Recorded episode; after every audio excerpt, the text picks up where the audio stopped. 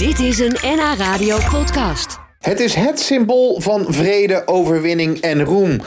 De tak van een laurier.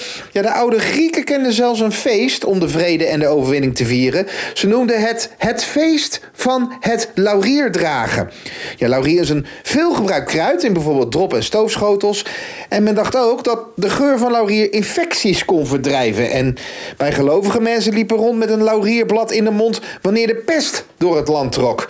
De geur van laurier speelt dus een hele belangrijke rol in de geschiedenis. Geurexpert Claudia de Vos over de geur van de vrede.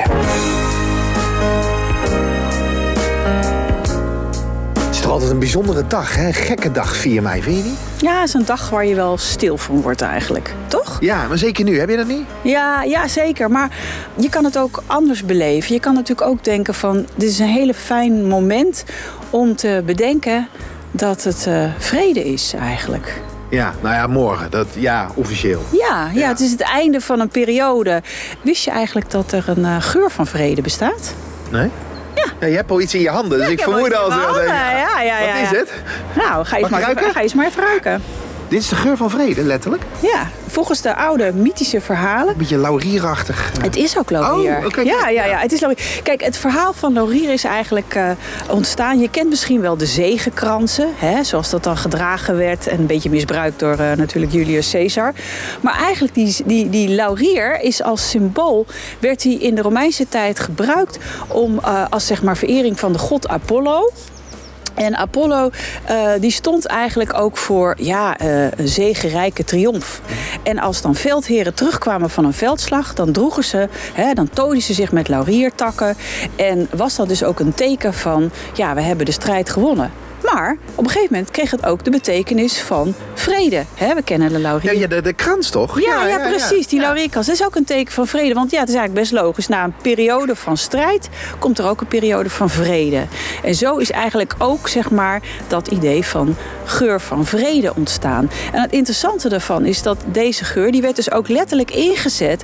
Niet alleen maar in tijden van een epidemie, dat is echt waar. Zeg maar om het, om het fysiek te zuiveren. Want het is heel antibacterieel. We kennen het wel. Laurier, echt? Ja, ja, ja. ja, Zit er want ook in het is- drop. Het zit in eh, drop. Het zit er, je kent die laurier, eh, die stroopjes Dat eigenlijk werkt dan echt wel, echt wel, echt wel tegen, je, Ja. tegen, tegen, de, een beetje, tegen de hoest. een Ja, ja, precies. En het is heel open. Je kan het dus ook letterlijk gebruiken om mee te stomen. Hè? Een stoombak. Ja, want als ik het ruik, mag ik nog één keer ruiken? Dan Ja. ruik ik ook een beetje, en probeer een beetje van de afstand elkaar, een beetje eucalyptus achter. Je merkt echt dat je neus open begint te ja, staan. ja, dus het gaat ook echt Heel fris. Het is heel fris. Het is eh, eigenlijk ook verwarmend.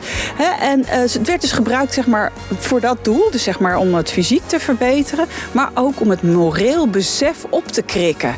Letterlijk.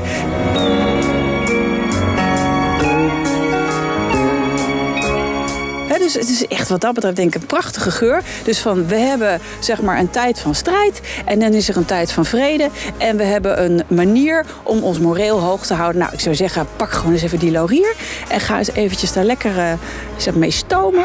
Of Ja. mee, eh, mee mediteren. Of gewoon lekker eh Het heeft, iets, het heeft inderdaad iets bevrijdends. Het heeft Ja, iets. ja. Ja, gek hè? Het, Ja. het heeft iets, iets, iets opruimerigs, iets, iets, Iets- iets, iets klaar. Iets, iets, ja. Het, is, het is gewoon een geur waarvan ik denk eh, dat heel erg mooi past in deze, in deze periode van de wereld. Letterlijk. Jij zei, want het werd ook gebruikt bij epidemieën. Hoe, hoe bedoelde je dat? Nou ja, letterlijk. Dan was er weer een een of andere eh, epidemie. Nou, ik weet niet of het Pest een, pest ja. nou, geval, eh, dus een, een, En dan werd dus inderdaad dat gebruikt om, om letterlijk te zorgen dat... Het is dus heel erg anti-kok. Dus dat is uh, streptokok, allerlei kokken. Hè? En ja, omdat men natuurlijk nog niet zulke medicatie had als wij, wij hadden... werden dus natuurlijke middelen gebruikt om zeg maar die... ehm, Bacteriën buiten ja, te houden, ja, die virussen buiten te houden. Ja. Precies. Eh, en tegelijkertijd had men dus, eh, er wordt altijd veel sneller een koppeling gemaakt met die symbolische achtergrond. Van nou ja, als dat met ons lijf doet, dan doet dat dus dat ook met onze geest.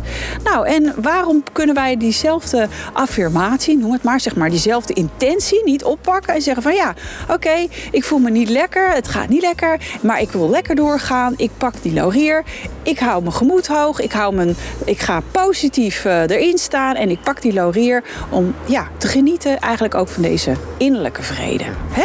De geur van vrede, laurier. Van vrede, ja, de geur van vrede, laurier.